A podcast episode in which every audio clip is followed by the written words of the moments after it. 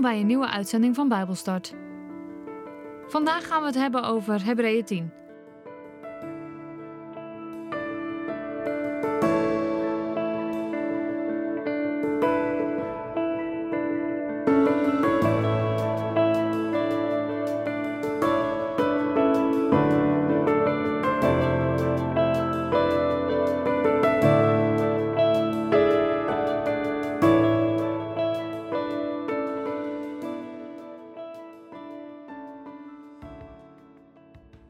Lees met jullie uit de basisbijbel Hebreeën 10.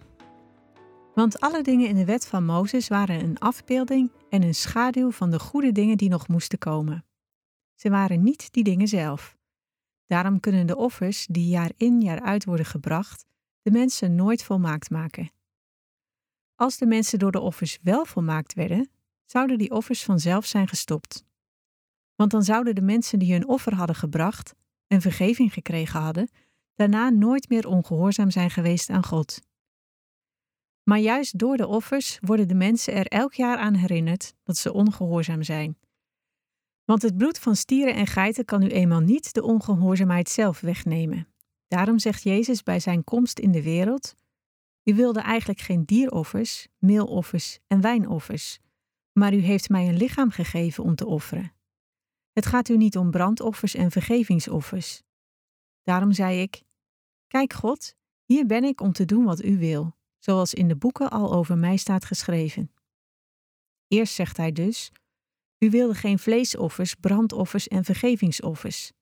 Het gaat u daar niet om. Toch werden die gebracht, omdat dat moest van de wet van Mozes. Maar daarna zegt hij: Kijk, ik ben gekomen om te doen wat u wil. Hij doet het eerste weg en vervangt het door het tweede. En door het offer van het lichaam van Jezus Christus zijn wij voor altijd volmaakt gemaakt. Verder moest elke priester elke dag dienen en vaak dezelfde offers brengen. Dat was omdat die offers nooit de ongehoorzaamheid van de mensen konden wegdoen. Maar Jezus heeft één offer gebracht voor alle ongehoorzaamheid van alle mensen.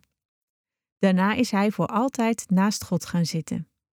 Daar wacht hij tot het moment dat al zijn vijanden overwonnen zullen zijn.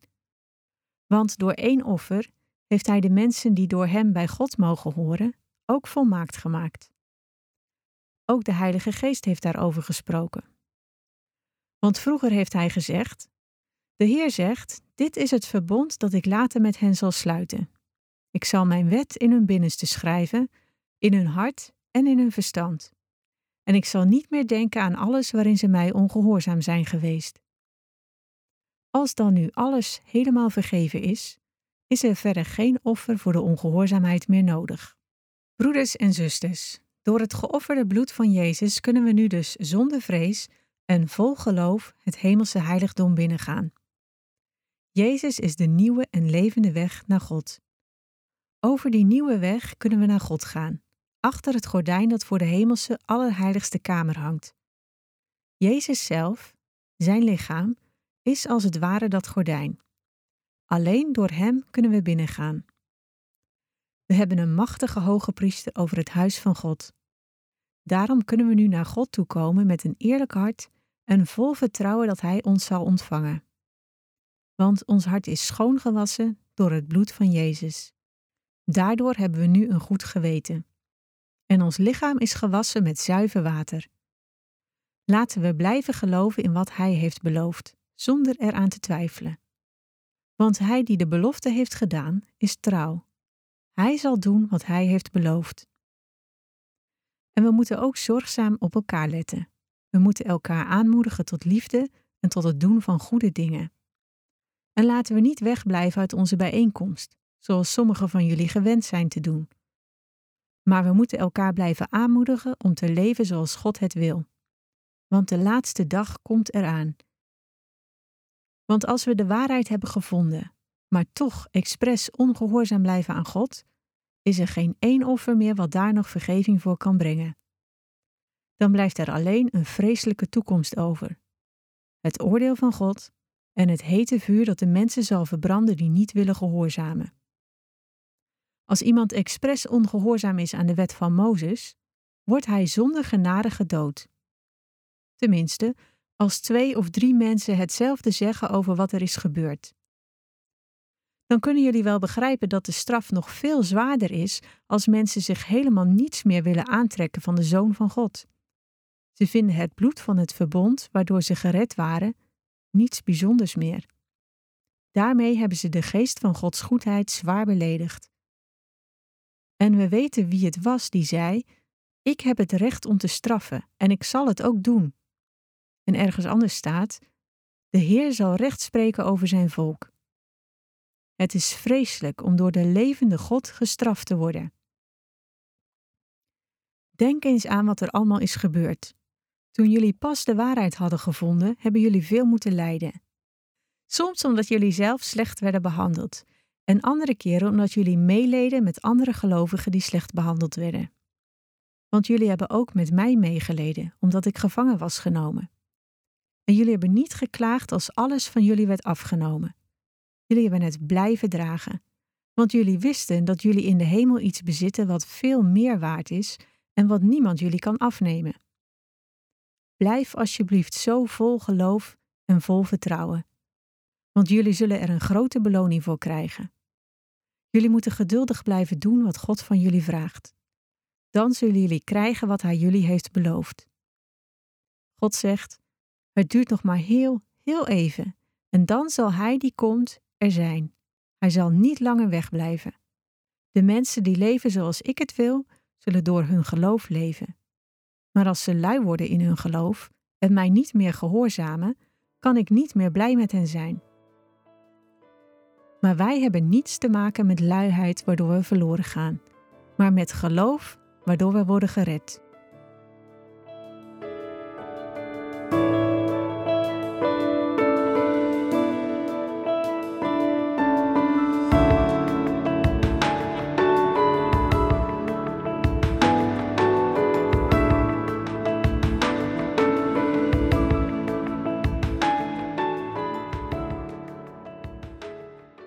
Boven Hebreeën 10 staat: Jezus' offer is volmaakt. En dit hoofdstuk gaat door op dat wat we in hoofdstuk 9 besproken hebben. Het verschil tussen het aardse priesterschap en de offers en het hemelse priesterschap van Jezus en zijn offer. Vers 1 tot en met 3 beschrijft opnieuw dat de dingen in de wet van Mozes een afbeelding zijn en een schaduw van de goede dingen die nog moeten gaan komen. We hebben het hier ook over gehad in hoofdstuk 8.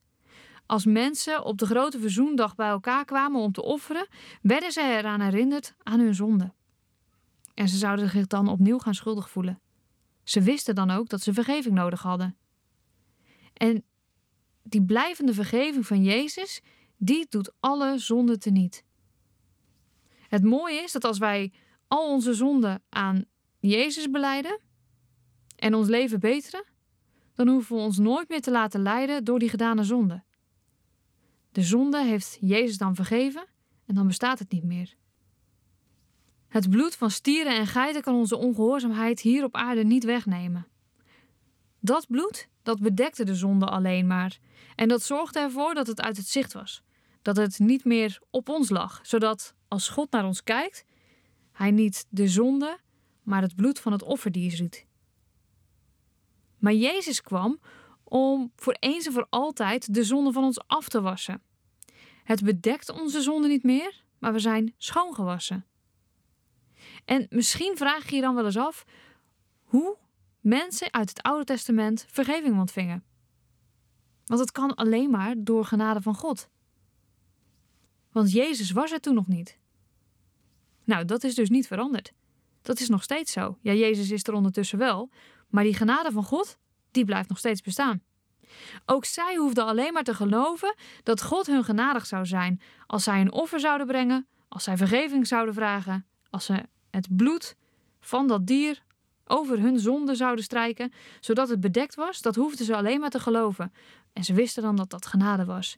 En die genade, die staat dus nog steeds. De versen 5 tot en met 10 zijn opmerkelijk, omdat ze nergens in de Bijbel staan als een citaat van Jezus. En toch worden ze hier als een citaat van Jezus gebruikt. Daarom zegt Jezus bij zijn komst in de wereld: U wilde eigenlijk geen dieroffers, meeloffers en wijnoffers, maar u heeft mij een lichaam gegeven om te offeren. het gaat u niet om brandoffers en vergevingsoffers. Daarom zei ik: Kijk, God, hier ben ik om te doen wat u wil, zoals in het boek al over mij staat geschreven. Eerst zegt hij dus: U wilde geen vleesoffers, brandoffers en vergevingsoffers. Daar gaat het u helemaal niet om. Toch werden die gebracht, omdat het moest van de wet van Mozes. Maar daarna zegt hij: Kijk, ik ben gekomen om te doen wat u wil. Hij doet het eerste weg en vervangt het door het tweede. En door het offer van het lichaam van Jezus Christus zijn wij voor altijd volmaakt gemaakt. Je kunt je afvragen waarom God offers aan het volk heeft voorgeschreven als hij dat eigenlijk helemaal niet wilde. De dierenoffers verwijzen naar het offer van Jezus. En dat wordt ook in deze verse die ik net voorlas duidelijk gemaakt. De schrijver van het boek gebruikt vers 7, 8 en 9 van Psalm 40. En hij past ze zo toe dat doet vermoeden dat deze woorden van Jezus zijn. Andere versen uit die psalm wijzen niet naar Jezus. Vers 13 gaat bijvoorbeeld over de zonde van de psalmschrijver, David. Jezus, die mens werd en vlak daarvoor in de wereld kwam, zou deze woorden gebruikt hebben. Door het citaat wat David hier geschreven heeft in deze psalm, lezen we wat Jezus tegen God zei toen hij besloot Gods wil te doen. Nergens wordt de naam van Jezus genoemd, maar het kan niet met het woordje hij iemand anders bedoeld wordt. Jezus spreekt met God over de slachtoffers van het oude verbond. Hij zegt dat God dat niet wilde. En dat is een tegenstelling met wat God tegen het volk zei. Maar hoe zit dat dan dus? Nou, God wilde inderdaad dat het volk zich bewust werd dat ze zonde deden. Hij wilde ook dat ze zich er bewust van waren dat verzoening iets kost. Namelijk een gezond, volmaakt dier zonder mankementen. Eén waar de zondaar, de persoon die offerde, op de markt flink geld voor kon beuren. Maar God heeft dit niet ingesteld om mensen te straffen of te pesten vanwege hun ongehoorzaamheid. Nee, hij wilde hen bewust maken. Hij wilde hen bewust maken van het feit dat zij alles aan God te danken hebben. Dat ze Hem als Heer moeten aanvaarden en naar Zijn wil moeten leven.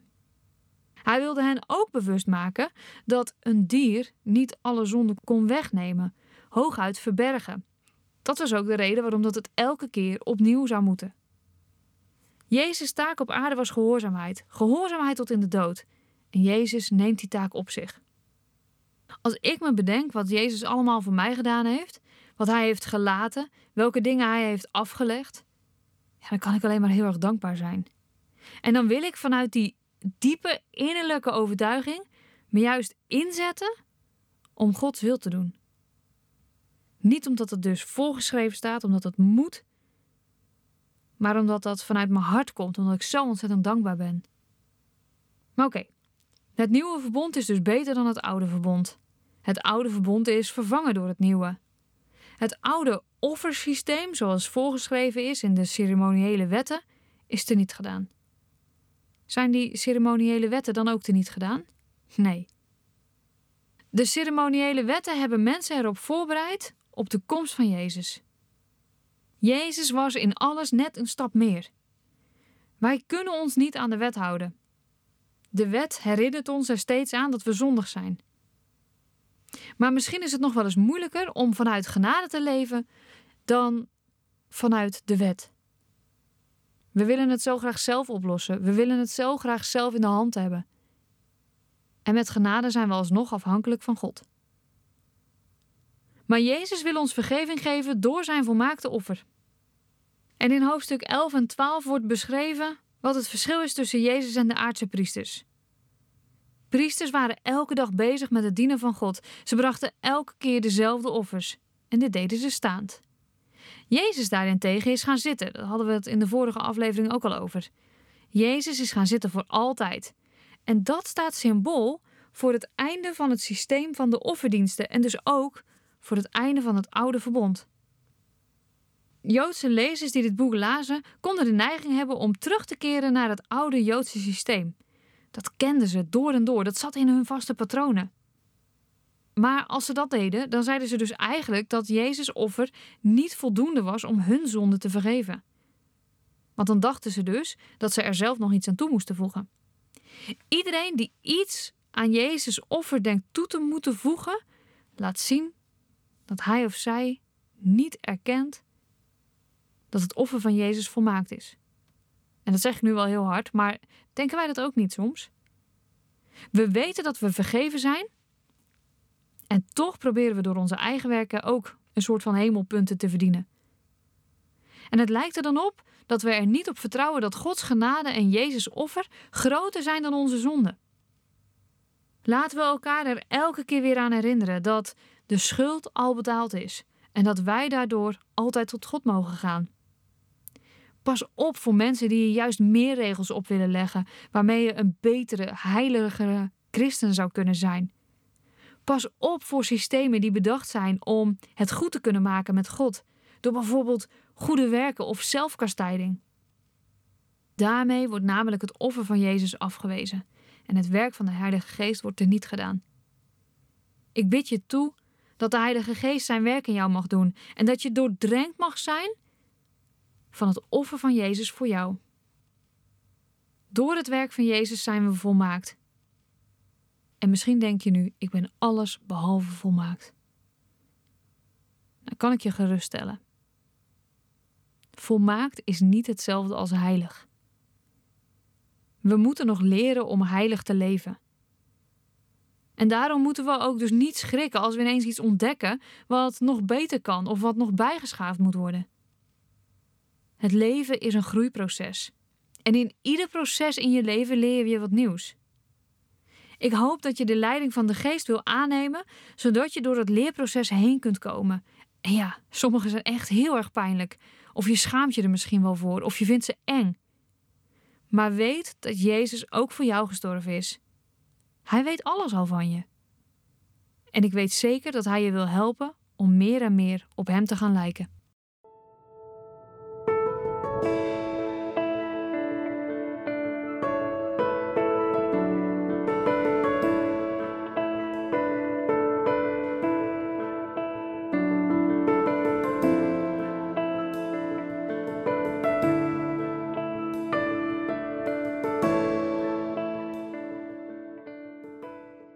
Dit was Bijbelstart, een programma van TWR. Het is gebaseerd op het Amerikaanse programma Through the Bible, ook wel TTB genoemd. En deze uitzending is een samenvatting van twee afleveringen. Wil je meer weten? Ga dan naar ttb.org of ga naar twr.nl/bijbelstart.